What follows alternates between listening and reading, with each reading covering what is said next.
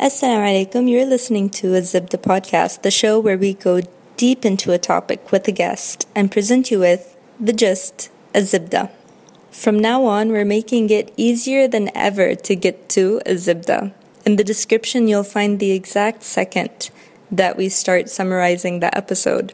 So you can just jump to that point and listen to what we've learned from the day without having to listen to the long conversation, even though that's personally my favorite part.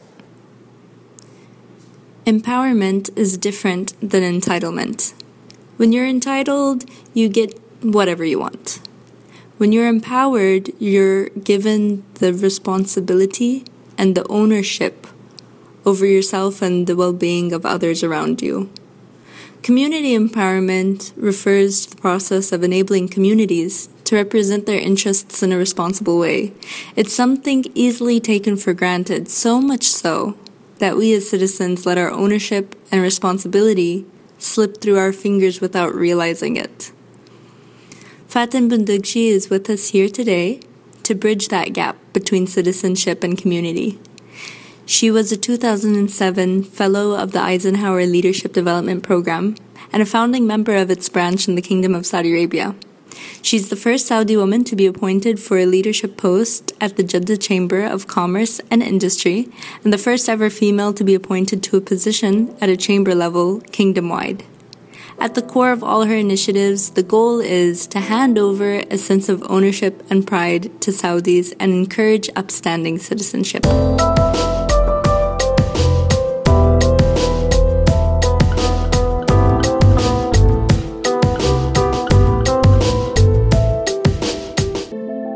Hi, I'm Khaira, and I love wearing Tom's shoes.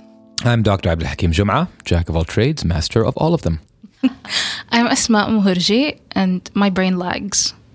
I'm Fatin Bundagji, and I'm fasting.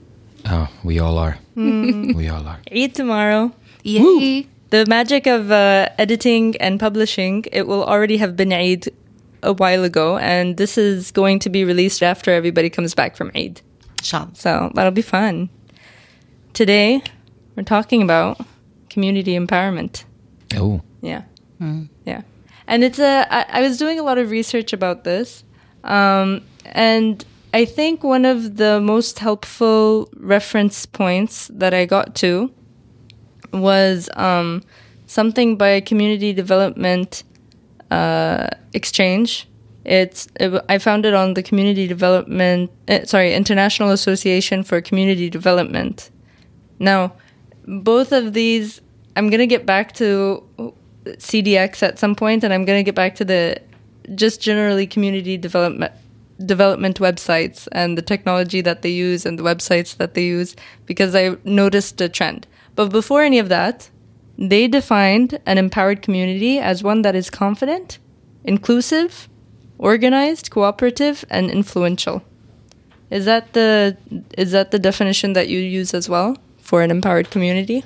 Um, let me let well we I started backwards. I mean, you know, whenever back in the time when I did what I did, I never thought of it as being something of community development or empowerment or inclusive-ness. Oh, it didn't. no, it no, didn't no, make no. the no, no, no, no. Back, look, this, time. this, this was back in '97. Okay, um, That's uh, when you uh, sorry, sorry, excuse me, 90, uh, t- 2007.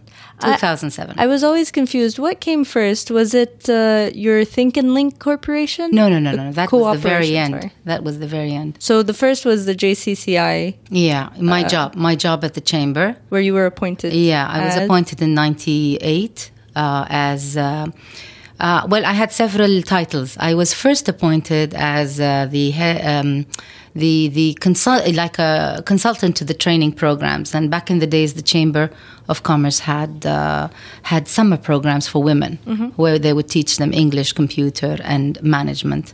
And um, when I got the job, I uh, I uh, resorted to all my friends in King Abdulaziz University because I'm an English literature major, and um, and I, I quickly got down to fixing the curriculum uh, and, and and and figuring it out, and knowing that I was working for a business entity, I had to make it relevant that whatever these girls were studying had to in the end um, be associated with business issues. So um, I quickly got into, uh, and this was in in 98 which was still very new to the, the, the, industry. Like if you take english for business purposes you know you know english for special purposes which is either business or medical or whatever. So i was focusing on getting curriculum that was specifically for business purposes. And uh, when they were taking the computer i uh, linked it to Microsoft Office because mm-hmm. you know what's the point of learning a computer if you don't learn the software that enables uh, business communication, IT related. Uh, so I went into Office, uh, so you know they had to learn how to write memos, typos, um, um, Excel sheets, uh, all that stuff. So the whole program was built on business English level, whatever level they were, and the um, um, uh, Allahumma salli ala Sayyidina Muhammad. The technology. Yeah, the the, the technology part, and, and then the vocational training. Yes, uh, yeah, and and I linked the, the, management they were taking back then was more related to theoretical uh, theoretical management uh, for jama because they would get professors and professors would teach theory. I switched it for application, and I would teach them like you know how do you write a CV, and then we'd work on it, and how do you master an interview, and how do you develop yourself, and how do you deal with conflict and teamwork we started from before applying for a job until you go through the job and then how do you work with your co-peers and all that stuff. So that was my first part and it was the summertime and it was 2 months and we really did a great job. How did you get into it? In um, how did you hear about it? I didn't. Uh-huh. I didn't hear about it. What happened? Um, it sounds like you're you, thrown into a lot. Yes, yes, yeah. Um, uh, well, I'll tell you, uh, this is how things kind of work in Saudi Arabia. At least back back in, uh, in, in 97 or 98, um, you know, we didn't have the open society that you see today. So usually people who are in positions know of people who are, you know, capable, who could fit mm-hmm. a certain mm-hmm. profile. Mm-hmm. So back in the days, Dr. Majid Al Qasabi, he was the um, the um, Secretary General of the Chamber of Commerce and he knew me. We, you know, he's he's my brother-in-law's very good friend, and and so he just saw that I'd fit that profile well. I personally had my own insecurities because up until that point I was a homemaker. أنا أنا أنا يعني ما يعني هي الوظيفة جاتني. يعني كان لي معرفة بأمين عام الغرفة التجارية آنذاك الدكتور ماجد القصبي وهو يعني صديق العيلة وكان يعرفني وشكله إنه هو شاف إنه فيا يعني بعض المميزات اللي تخليني يعني كفؤ في هذا المنصب. فهو اقترح علي إني أدير القسم هو ما كان كمان قسم كان برنامج كان برنامج الصيفي م. للنساء في الغرفة التجارية. والغرفة التجارية في ذاك الزمن كانت في في الهنداوية. فطبعا يعني هذه كانت أول خبرة لي في العمل العمل في أي مؤسسة. وكمان في مؤسسة يعني ذكورية. يعني ما فيها نساء. كان كانت تجربة مرة صعبة بالنسبة لي ولأنه ما كان في وأنا كنت أول امرأة يعني تتعين في هذا المنصب في غرفة تجارية في المملكة. يعني لسه في في المملكة. كل الغرف التجارية ما كانت فاتحة بابها للنساء ودكتور ماجد القصبي والمجلس الإدارة كانت كان كانت مجلس الإدارة برئاسة الشيخ إسماعيل أبو داود الله يرحمه فهم كانت عندهم هذه الرؤية المهمة إنه المرأة لازم تكون جزء من هذه المنظومة. وطبعا تعرفي يعني في جدة أو نعم في جدة بالأصح دائما نحن مبادرين يعني هي تعتبر مدينة مبادرة دائما تبادر في الأشياء. وعلى هذا السبيل آه، قالوا أيامتها جدة غير. وفعلا المقولة حقت جدة غير كانت آه تحت إدارة الدكتور ماجد القصبي. أوه من هذا يس يا أيوة أيوة من 2000 2000 2000 يا مهرجان الصيف جدة كان يعني بدأت في عام 2000 أعتقد يس 2000 آه ما شاء الله يعني كنت في في الخط الأمامي للموضوع هذا. طبعا آه، نحن كنا نشتغل بكل آه آه، هدوء. يعني ما كان في إعلام وفي ذاك الزمن ما كان في إعلام حتى يظهر المرأة أو حتى لو لاحظت التلفزيونات والجرائد صورة المرأة ما كانت تطلع. يا yeah, سو so, آه، so, طبعا uh, في في في كريتيكال باث في uh, أنا يعني if you talk to me about يعني the development of Saudi Arabia and and the inclusion of women in its uh, uh, in its public and private service sectors it started after 9-11 you know when we needed to to to to to, to reassess you know how we're dealing with situations. So but before that in 98 and when i was around you know women were not supposed to be around. So yeah so it was very challenging for me uh, to to to to work in an organization for women but managed and led by men. Um, it was only the honestly, I had, yani, the men were amazing. I can't say that they were not supportive. They were extremely supportive. And I, I would deal with them, yani, face to face, but my, my staff wouldn't, you know. Um, the challenge was that uh, how could I keep my staff safe, you know. When I work, when I was there, I was receiving, yani, during my four years of head of women's training, um, we we serviced nine thousand women. Um, not only through my center and and the the employee development uh, skill program that I had crafted for them. I personally, with my team, crafted that curriculum, and it would be a four month program that Honestly, they yani once they graduated, they would shift from not just competencies and and uh, and, and and knowledge and know-how, but moreover on attitude and presentation and professionalism. So we worked on them all. It was it was a fantastic place. أم، حضرتك تقصدي آه، مركز خديجة بنت خويلد this is this is يعني in يعني in face of all honesty and for full disclosure It's important to realize that Markaz Sayyidah Khadija was born in 2003. Mm-hmm. Okay, and it was just a spin off of what I had already established from 97. Mm, so it was a summer program? No, no, no, no, no. It was a summer program just for that summer. But then my daughter was going to go to uh, university in Portland. And I was very challenged because uh, how can she go alone? And I didn't have a job. That was just a summer program. So I had. How'd you find it? Uh, what? What was your feelings towards it? Was it overwhelming? It was because it I, easy? I, I was in. Oh, it was exciting. I loved it. I loved it. I loved every single challenge. I'm a self learner, so if I'm faced, if you tell me, you know, you have to do what what you're doing now, this IT business, I would panic, but then I would open every single book and I'd learn and I'd, you know, I, I would master it eventually. So when my daughter was leaving, I was conflicted. Should I let her go? So I went to Dr. Majid and I told him, listen, Dr. Majid, I did a great job. Uh, because I, uh, the way I measured it, it was a great job is because we had over, you know, 300 students and we, oh, no, sorry, over 60 students, pardon me, over two months program. And we, I can't remember, the, but I know for a fact that we brought in 300,000 riyals. So money makes a difference with these men. And I said, listen, I can really have a very good center running for you if you just would employ me. And he said, okay, but then, uh, you know, he didn't say anything. And summer came and went, and I had to keep Zakia back.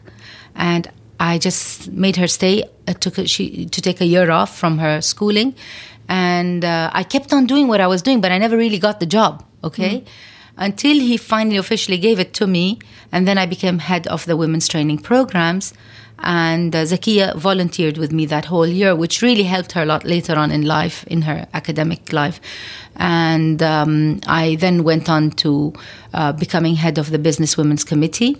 Uh, we formulated a business uh, b- business women's center uh, because we formulated the business women committee with uh, Princess Adila as the head and some very prominent business women. And then um, after that, it became it switched to Markaz al-Sayyidah Khadija bint Khuwailid. And uh, so it became bigger than what it was under my leadership. And I was tasked with the job of heading the Women's Empowerment and Research Program, uh, the tra- center. And Dr. Nadia came and became head of Nadia Baishin of uh, uh, Sayyidah Khadija bint Khuwailid Center. And then uh, back at the time, what my job was to pilot development programs, uh, you know, training programs. I would pilot it, I would fine tune it, then I would pass it on to the training center where my colleague Samia Filimban now, who is in KAUST, and I, I cherish her dearly, um, she, she would take it off, you know. And then I left them. I left them in 2004. And that's when, you know, another part of my life. Stop How do you think his hesitation came from it being a very unorthodox job? And seeing as you had no uh, job description, no resources, how, how did you deal with that? I, I, yeah, I see your question and I like it. Um, um, Yes, to your first part of the question, uh, I think he was very challenged because, uh, uh, as I mentioned earlier, or as you mentioned, that no woman, no woman ever had that job title, and he had a lot of pressure from uh, the conservative community. I uh, uh, there were a lot of things. See, this is the thing when you're an employee and then you have your bosses. Sometimes you don't know what's going on in their in their you know at their level. And you don't understand the pressures they are going through. But apparently he was going through a lot of pressure in having employed me and opened a, a women's center. That was giving him a lot of pressure.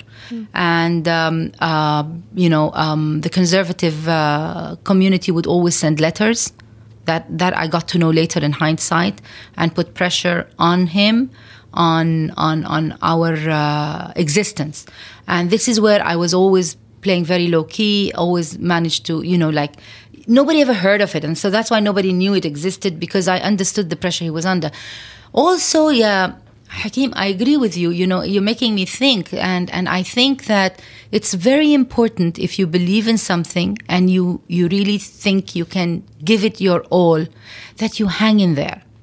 And yeah, uh, I uh, th- that's what I did. I hung in. Um, I I m- position and money at you know was not an issue for me my my my issue was the service I could provide and the standard at which at, at the standard that I could give it. You know, I mean, I remembered that I wasn't even given a budget for uh, the curriculum for the books, and my students had to have those books. So I would strike deals outside of the chamber, okay, with a book uh, a, a supplier, and he would bring in the books, and I would have one of my staff and I would pay him. I would pay him. Uh, no, sorry, I, w- I would pay him upon when the girls would buy it. So the girls would buy it at cost, and I would pay him back. If I had to wait for the bureaucracy to give me the budget to madri eh, the girls would never have books. I would end up printing, and I don't believe in printing because of copyright issues as well. What you're saying is you saw where you could add value as a person, as an individual. Yes. Even if you weren't in that position, Yes. if you were like a peer to these girls or someone's mother of the girls who were there, you would have probably struck up a deal with the the bookseller and Yes. connected them. Yes, I had I had to I had to give it yani uh, I was in a position where I felt that I was responsible to make sure everything was was on top that the, the girls would get the best they could. Okay, because they really deserved it. Um, another thing is that at the when I was there, Ya Hakim, I went beyond my job. Um, the chamber, up until then, would always have seminars and meetings, not at the rate that you see today, which is like too much maybe you know you t- today there's so many events going everywhere it's like maybe your generation would say oh my god you know that's it and sometimes i think no, this is too much but back in the days we really had a thirst for information and for meetings and for seminars and for conferences and you know to listen to people. Back in the day uh, it, it was really not non-existent. So um, the chamber would have those events and me and my staff our job was just training you know and i had an eight hour job and in and out. But i would go to the you know secretary general and i tell him listen please allow me and my staff to take care of this open it to women via closed circuit television okay and and most of those meetings and seminars would be in the evenings and we would go without any extra money without transportation fees without we, we didn't have we didn't have um, our full benefits we just had a basic cut salary sa- يعني راتب مقطوع okay that's how it was back in the day and my staff would come and we would supervise the attendance of يعني I remember when Amr Khalid came oh my god you know and you have to be responsible for all those women and you know and, and make sure nothing goes wrong because if anything goes wrong they'll just close the doors at us again. We had we, yani we we supervised and we orchestrated the attendance of of maybe like i said over the four years 9000 women mm-hmm. i serviced.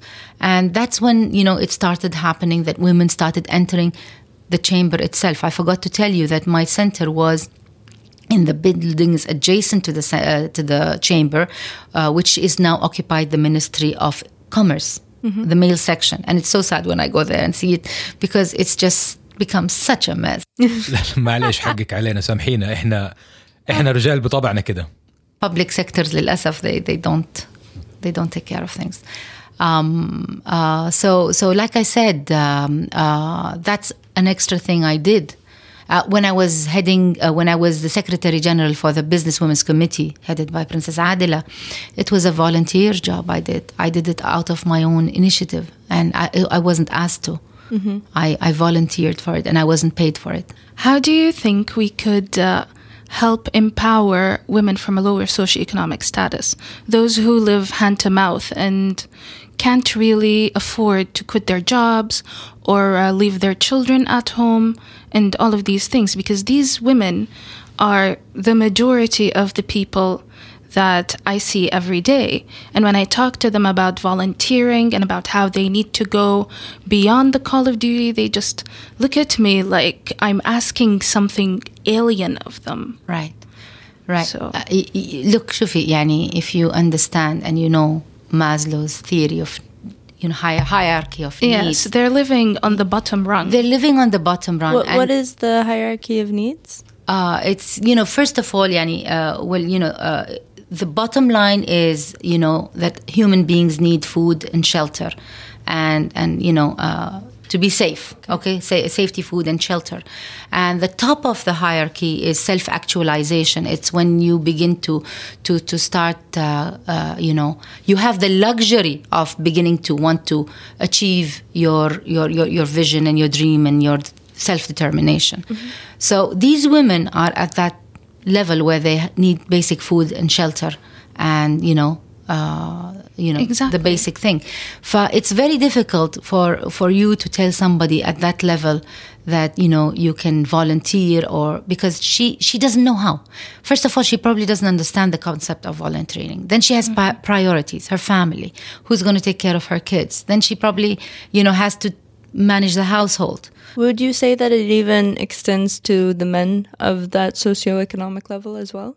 I, I, I, I um, let me say, okay, from my work uh, in, in in social research when I was uh, when I had TLC, and we did a lot of field surveys and research. We found, and I can't generalize, but the specimens we targeted, um, we found that uh, women were really the hard workers you know and they were the real you know providers who would you know uh, really go the extra mile to make sure their families are, are well kept and safe and uh, this is this is a big problem we have and i think this needs this needs really like, like government intervention on how can we uh, empower these communities. This this is where real community empowerment comes in. How can we enable these people to be self-reliant, okay, and at the same time take responsibility for their own livelihood? But you need to have certain things in place. You know, um, uh, these people need to have a job, no matter how small, or they need to have a source of income from a business, no matter how small. Um, we need to, they need to go through certain, you know, like grassroots level. Uh, leadership development programs you know to understand you know to, to they need they need to be educated but educated towards life skills mm. more than anything else. But being member with the government bureaucracy is a very long and sometimes tedious process. How is there a different group of people that one can resort to in order to empower these communities So uh, it's very difficult, but I'll tell you something.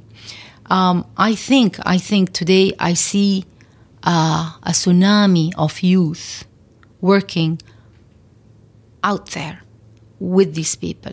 But the challenge is how can these youth really have impact? Unfortunately, what I see, and this is something I touched upon in 2007 when I did Save Corniche Jeddah uh, initiative and um, it became Watana, is that unfortunately, whatever we as the older generation have as issues of of me myself and i okay i see it sometimes in the youth.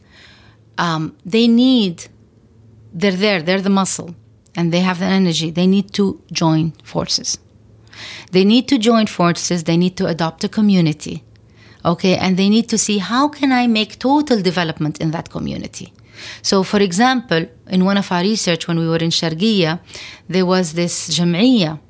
And this jam'iyya wasn't focusing only on one issue of development. It was focusing on total community development. So they would they would go to that community. They would provide training for kids. They would provide healthcare edu- uh, awareness. They would they would they would make sure that this community became a self-reliant community. They would start networking them. If anybody had a certain skill, they'd give them training, vocational programs. I just want to. I, I'm not saying this in a negative way towards our youth, but like there is this phenomena that goes around, and I'm, maybe I'm ignorant in what happens during the year, but I see in Ramadan all these people doing all that great stuff for people, whether it is giving them clothes or food or whatever, but 11 months out of the year, what's happening? It's kind of like permission. Not permission from a person, but permission as a group, as a society, where in Ramadan, Khalas, everybody is in the right mindset. If you do volunteer, you're not going to be reprimanded at all in any way. If you volunteer the rest of the year, you might, uh, people might look at you strangely or be like, why are you doing this now? Khalas, in Ramadan, you volunteer, people know why you're doing it, people support you, and it's encouraged. Um, I don't think it's about the the Ramadan thing and the the, the, the permission thing at all. Mm. We have organizations, legitimate charity organizations who exist, which are which which focus on Tanmiya, which is development, community development. And these groups can align themselves with these. And one, just one that comes to mind is Jamiyat Majid, uh, Society for uh, Community Development. And, and um, I've known several groups who go and under the umbrella of Jamiyat Majid and they, re- they retain their autonomy. But and, and Jamiyat Majid also benefits from it because it adds to their KPIs that, you know, we help develop this community, but they're at the same time empowering this, this, this group of, of volunteers who have the same mission. So, and I've seen many, uh, a couple at least, okay, I can't say many, but a couple of organizations that went under Jamiyat Majid. And then once they got their footholding and they got their, uh, yani they became solid, then they became an independent Jamiyah as well, you know. Um, the other challenge is that many, many volunteer groups do not want to become a Jamiyah, and I talk out of my own personal experience uh, because falling under the Ministry of Social Affairs actually kind of cripples you. It's not enabling you. So, uh, and, and that's what happened with Muatana and Baladi. طيب بدون ما اقاطع حضرتك ايش هو بلدي هذا؟ uh, بلدي is is is uh, is uh, is is a volunteer group of women who who whose mission is to you know put women in leadership positions you know public private sector all the way yani from today it's our our last initiative was the municipal council to create awareness so we created awareness we did training we have 13 uh, coordinators kingdom wide we you know and we partnered with Al Walid bin Talal uh, society they funded the training programs and we oversaw them طب عفوا معلش انا وديت حضرتك بعيد شويه you were talking about uh, becoming an NGO um, so we have this organization, and we're still wondering if we want to fall under an, an, umbrella organization, which is the Ministry of Social Affairs. But we're going against that because till now they don't have uh, a, a non uh, uh an NGO title for something like us. You know, it's usually social affairs has charity, mm-hmm. and most of us who work in the fields we're, we're we're like more in development and capacity building than in charity. That's yeah. interesting that charity is only considered monetarily so, where you can only give charity in the form of uh, money. money. Yeah. Instead of in the form of training. Because yeah. when you said training and stuff, I consider that ch- charity when you volunteer. it, it is. It is. Time. Yes, yes, yes. And, and you are absolutely right.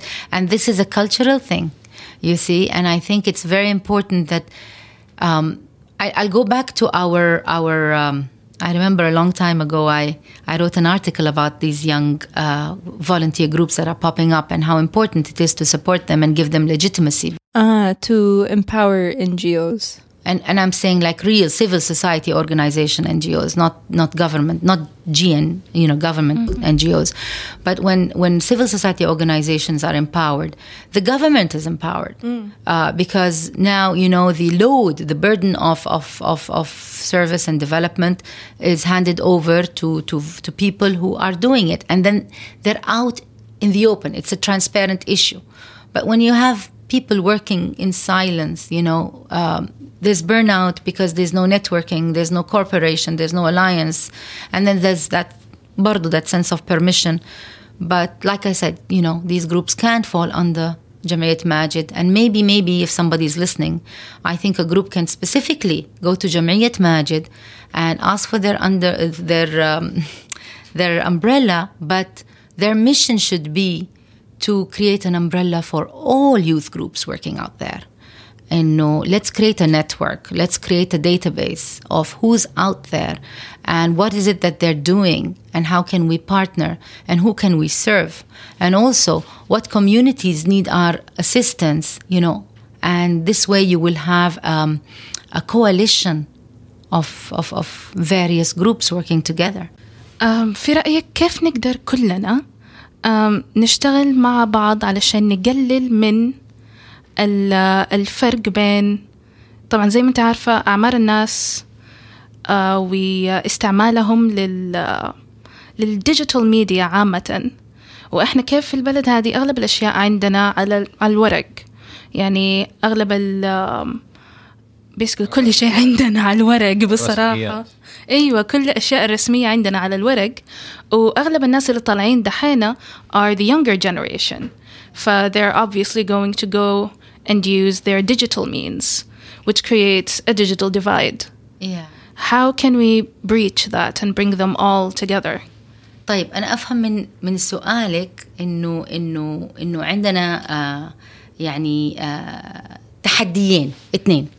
واحد ال ال ال الفجوة العمرية بين الجيل ال ال الشباب الشاب والجيل الأكبر اللي هو الجنريشن جاب أيوة. والفجوة الثانية اللي أنا دحين بستشفها من سؤالك إنه الديجيتال ديفايد أو أو أو الجنريشن الميلينيال جنريشن هدول اللي طالعين دحين عندهم that it, it adds to the generational divide that the digital divide between uh, you know generations add to the gen adds to the generational divide exactly um, I'm so glad you're asking that question because I am, I, I mean, uh, I am of an older generation. I don't know which generation I fall under, but I know it's not the baby boomers is the one that come after comes after that.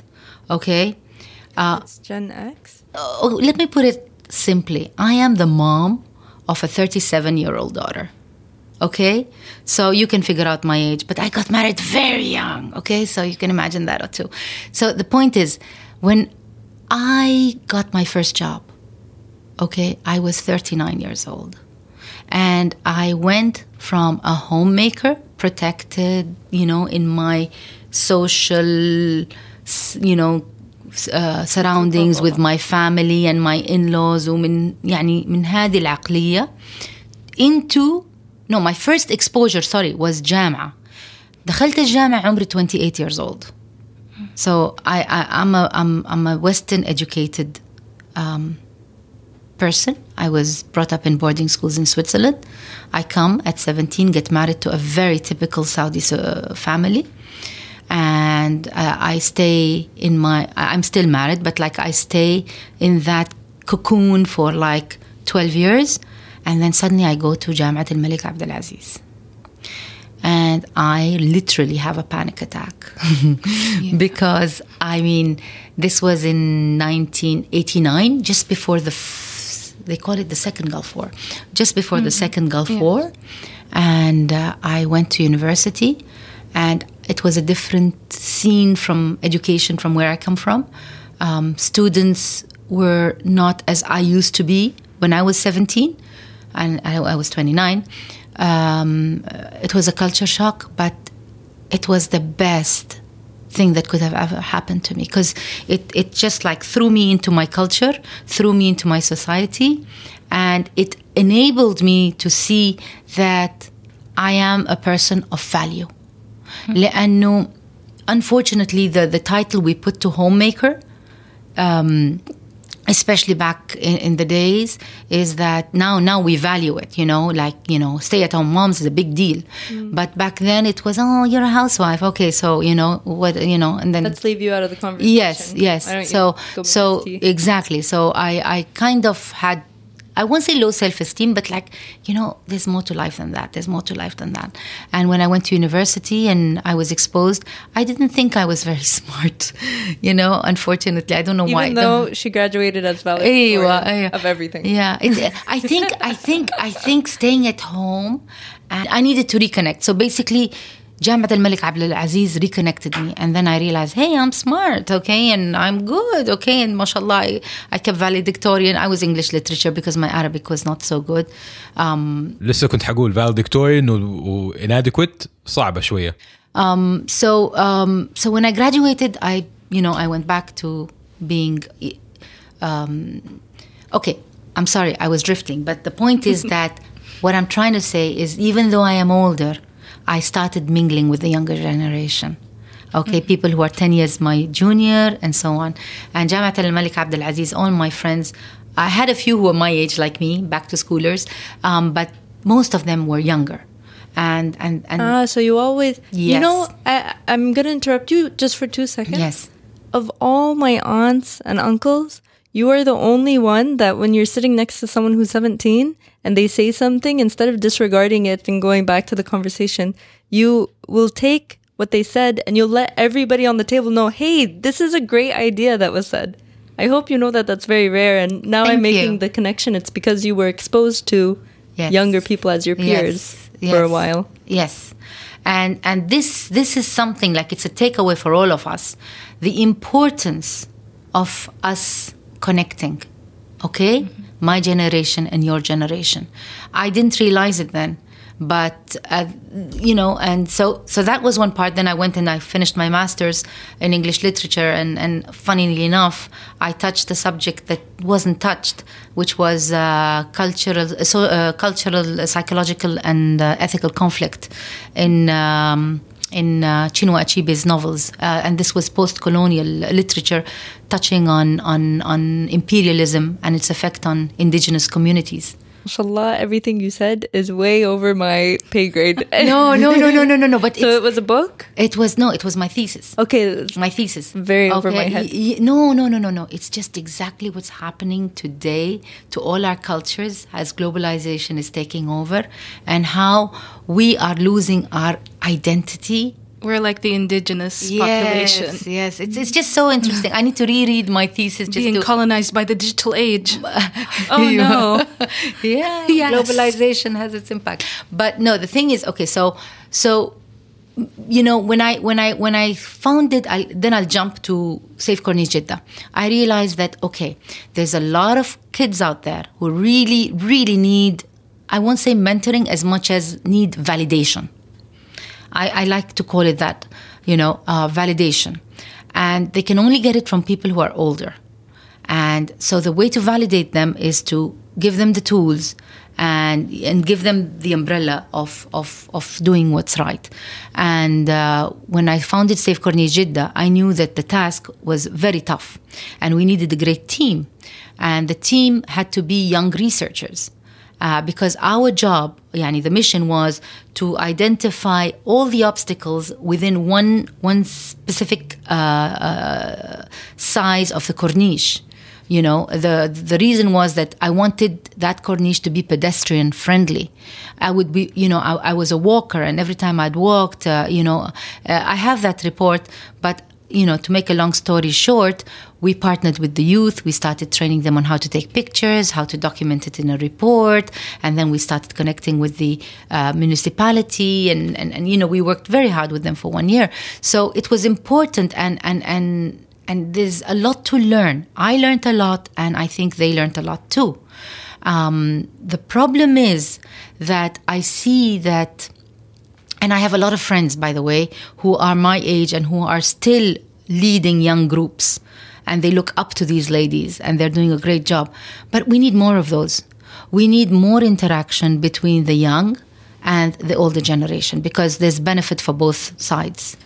طب انه احنا واحد من اكبر المشاكل اللي احنا بنواجهها دحين انه the the not necessarily ال, ال digital divide فقط it's the willingness to kind of uh, adhere to any system انه أبس في ابسط الحاجات مثلا انه even جهاز السكر ال ال الناس ار نوت ويلينج إنه ياخذوه ويسجلوا مدونة السكر ليهم لليوم هذا. سو هاو كان وي ريزولف ذس Exactly. Like one of the biggest uh, challenges is to have parents actually speak to their children. Yes. Like when I suggest that, when I suggest to a mother to discuss something calmly with her daughter and see what she has to say, she just looks at me like I'm insane and I just suggested something way out of this world. They retain So- they retain a very a, ver- a very old school kind of bridge that is very Yeah. difficult to cross. So when when a lot of the communities are like that, it creates a it's a crippling factor in pushing in pushing community strength forward in in pushing a more linked community together. So how do you feel or where do you feel the solution to this lies? Yeah. Uh, شوف uh, Hakeem, uh, you're talking about a, a community that um, I'm assuming is economically challenged. Yes. يعني, يعني, you know, who, who really um, are poor in the simple language. I- مرة I do I do hear also though that it's is it the the socio I mean is it the economical or is it the age? that you're There's talking there are several factors. There are socio-economical factors. There are cultural Yeah. factors. أنا أقصد أنا أقصد إنه هدول الناس they have priorities عرفت كيف؟ يعني أولا I think it's going to be really unrealistic to expect uh, a family coming from an underprivileged community to to to to go digital يعني that, I, I- you know it's like Anne Marie uh, Antoinette uh, Antoinette when she said give them cake عرفت كيف no what I was what I assumed Asma's question was إنه in general the the generational divide that exists across history we always have generational divides okay and it's been there.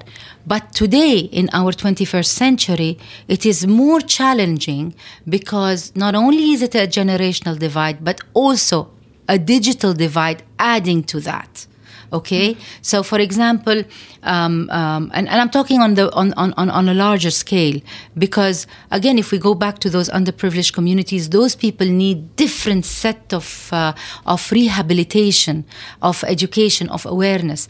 Uh, i'll come to your question. I'll answer so i wanted to say that you know just so we understand that we're saying the same thing. But if we go back to your family and the woman who can't talk to her daughter, now how we'll go back to my first conversation on community development and empowerment. We need these people to have a common interest. Okay, we need these people to have common shared هدف. طيب ف if you if you يعني um, I'm a mom okay and this, I have I find it difficult to communicate with my kids honestly من جد okay يعني it's like when I'm communicating with my kids it's like my stressors are all out and I'm ready to attack and I have to calm myself down and I can feel their stresses are out this is normal this is natural so maybe the mom is the last person this woman should be talking to you know um, we need to figure out ways this this is not something you can talk off the head on how do we deal with this community but these communities need to relieve the first pressure of financial pressure they have issues you know for the آخر هم عند الأم مثلا إذا بنتها مثلا ما بتسمع الكلام عندها هم أكبر مثلا إنه ما في أكل أو whatever it is ف we need to really sit down with those communities and, and, and, and, and discuss these things but what I'm trying to say is that today the listeners our listeners they're not those people. Mm-hmm. Okay? Yeah. our listeners are people like you and me and you and you. Okay? And these people have parents. And these people probably have oh my parents okay? But they need to look at their parents in a different light. They need to understand that here is a mom who is probably in her 30s 40s or 50s and this mom has had a life a life that she tried to build in the best of her ability. And she was never coached. She never had the resources you have today in self empowerment. You know, you, you're depressed today, how to deal with depression, you open YouTube and ah, deep breathe, whatever it needs to take. So you, you, you, you're self learners. Your mom has experience and is a woman who needs her, her self validated.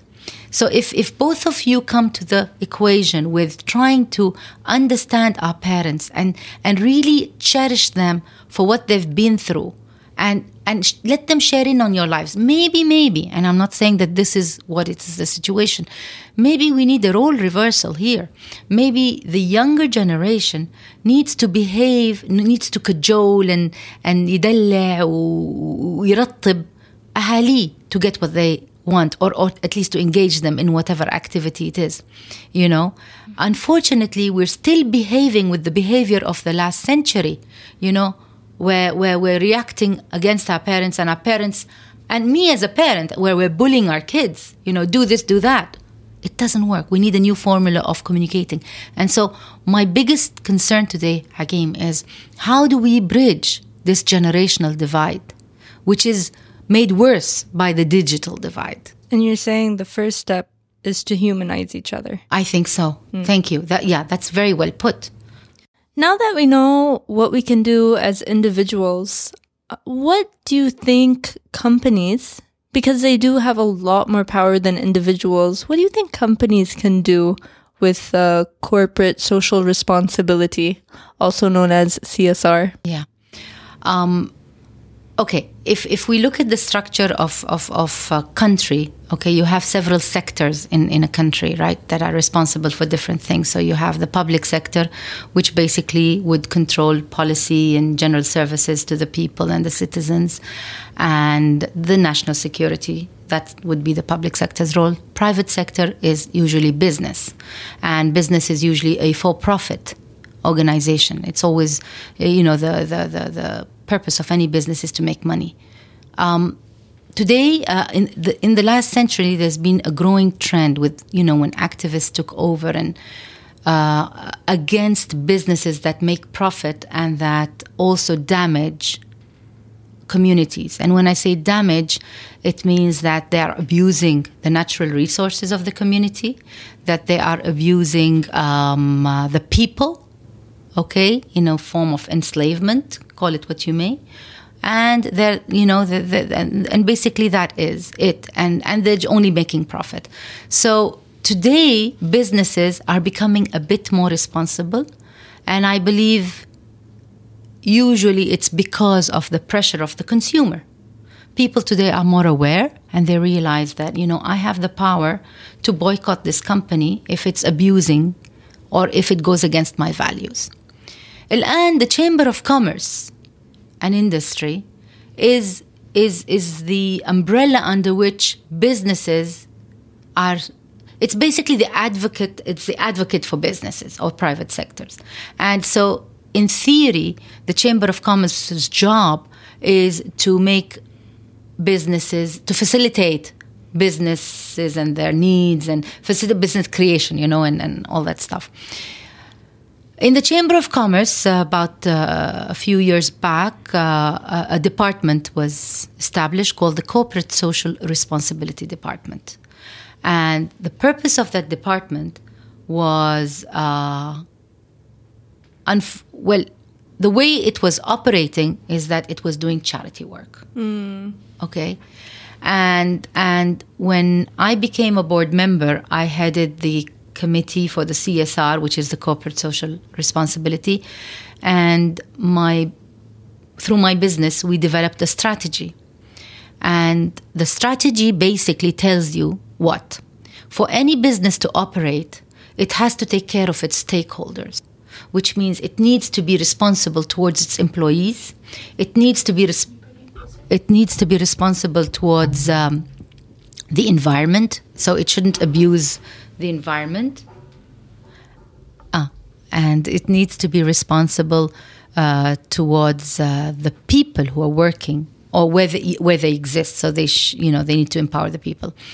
And this is what we try to do. We put it um, as a as a as a as a policy and procedure on how the Chamber of Commerce can help other businesses uh, the CSR of the chamber was to help other businesses manage their CSR or empower them in doing their CSR. Now, I just want to shed light on on on the deviation that has taken place between CSR and charity.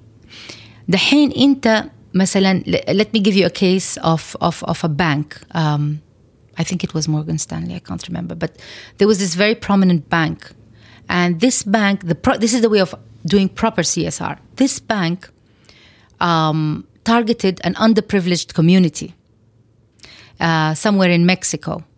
And it decided that you know it discovered that there were a lot of street vendors. And they decided you know what? We want to empower these street vendors. So they started giving them training programs. The bank notice huh? Um, uh, training programs on how to become entrepreneurs how to manage your finances etc then they started giving them micro loans and these street vendors became you know like they they they, they became stronger and stronger. And when they became small businesses guess who became their banker of choice? That bank. That's how csr is done. You build the capacity of the community which will serve you ultimately in the end. Okay? So if you're an it company that sells you know hardware in a community you open a training program for the locals to learn how to maintain IT. Then you automatically employ those people. So this is sustainable. Okay? And this is what I tried very hard to explain to the chamber that we need to start working through doing programs that is relevant to our core business. And so real, real community development can only happen by businesses who understand that point that they will, because their benefit, it'll be win win. They benefit themselves and they benefit the community. And so if you're in the medical field, hospitals, what's their CSR? It's not just to go and treat people. No. Start training them on how to become nurses or how to become security guards or how to become uh, assistant secretaries or, you know, and then they can employ them. So, since we're running low on time, this is a perfect time for a zibda. And what I wrote down, uh, first and foremost, is if you see a way to add value, persist in following that direction of adding value, regardless of if it's in your do- job description or not.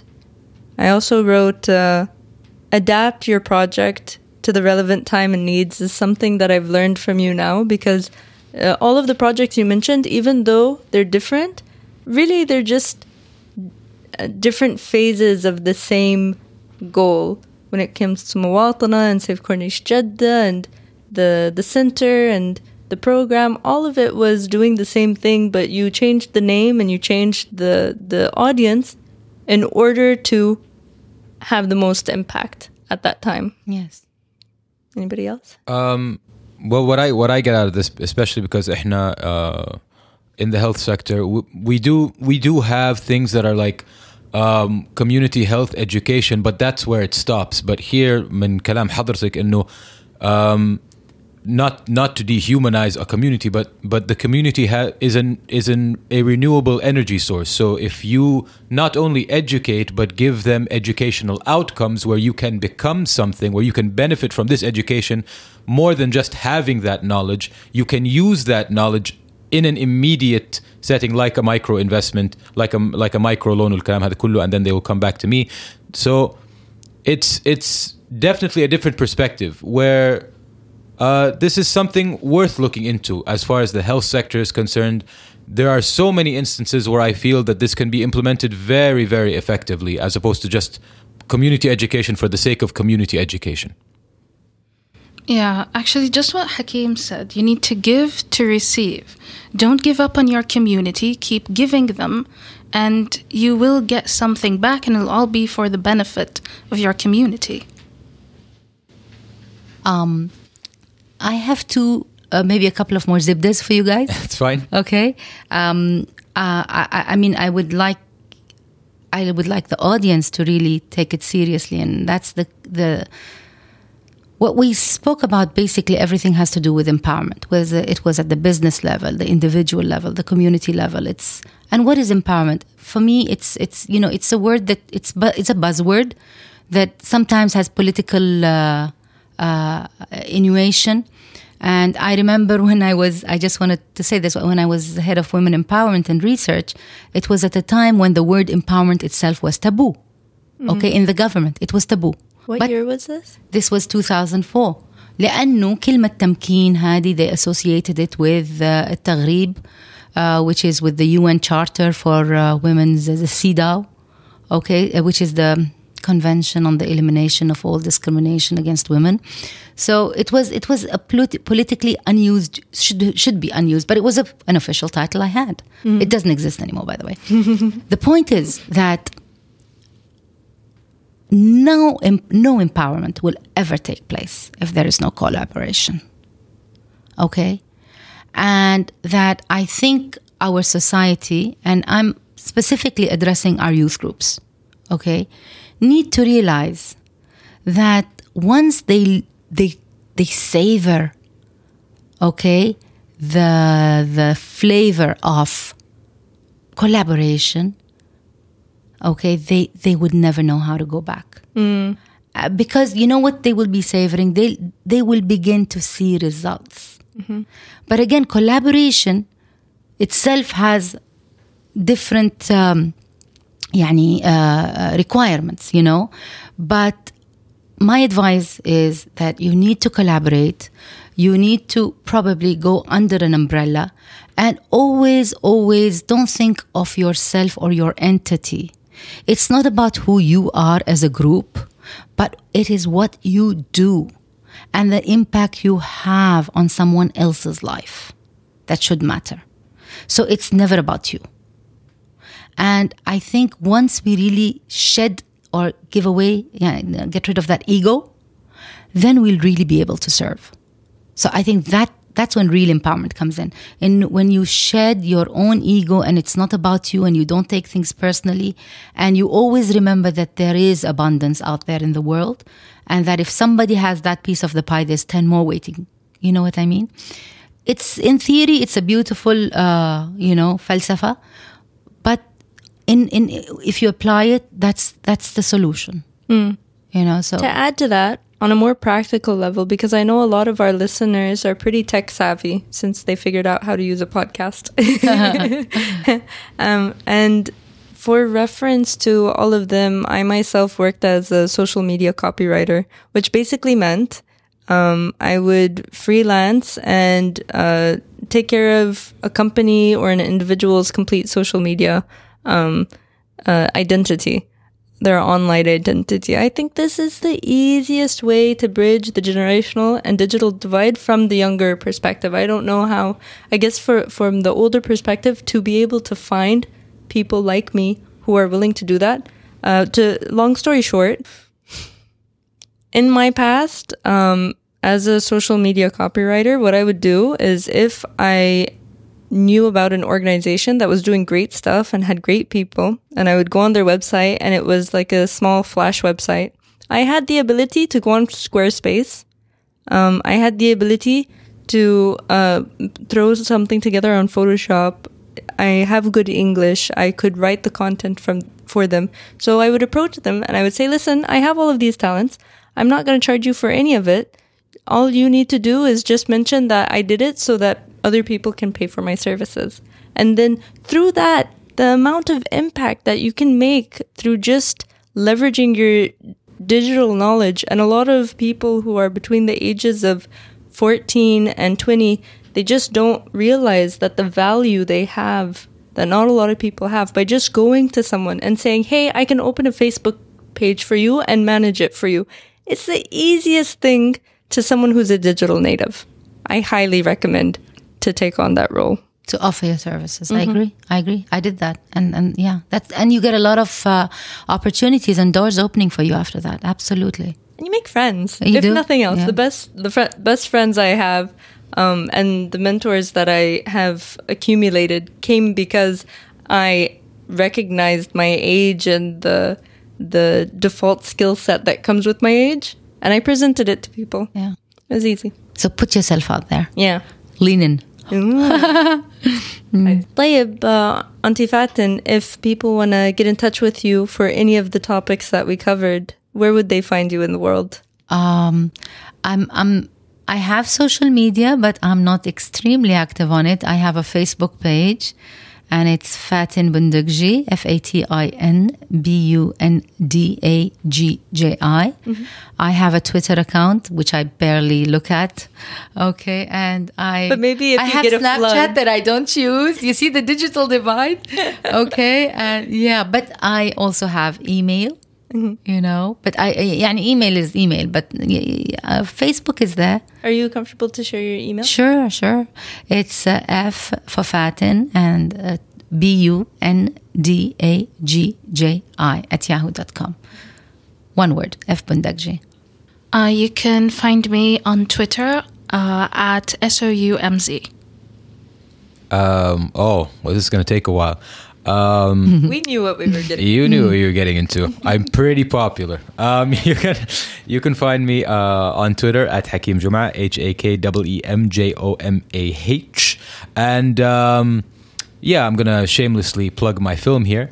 So um, chances are, chances are, 100% chance you've already heard a buzz around the internet that a, my film uh, Madayen is on the precipice of release. So if you would like, if you would like, and I know you would like, if you would like to check it out, you can go to visitmadayen.com, which was coincidentally a webpage beautifully designed by by my lady here.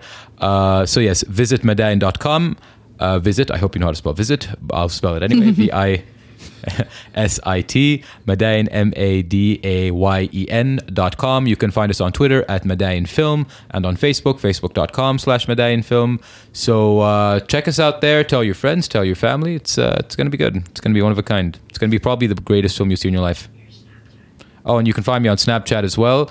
Uh, Hakeem Jomah, H A K W M J O M A H. And uh, on Instagram as well. They're all the same. They're all the mm. same. You get one, you get them all. Let me teach you how to do an outro. You can find me as Khayra B on most platforms and Khayra.b on Snapchat. How do people spell Khayra? Touche! That's K H A Y R A B or K H A Y R A dot B. We have good banter.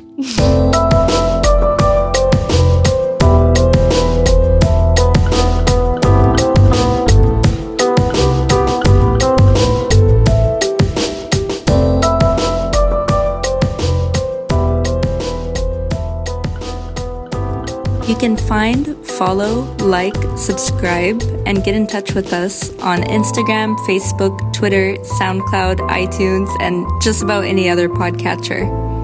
Please share us with your friends and family. We're a proud member of the Mustadfil Podcasting Network. You can find them at MSTDFR just about everywhere. Please suggest topics and guests on our social media or by emailing us at azzbda at mstdfr.com. It's easier if the guest is in Jeddah, but we can make anything work. We're now publishing once every two weeks, so see you in 14 days.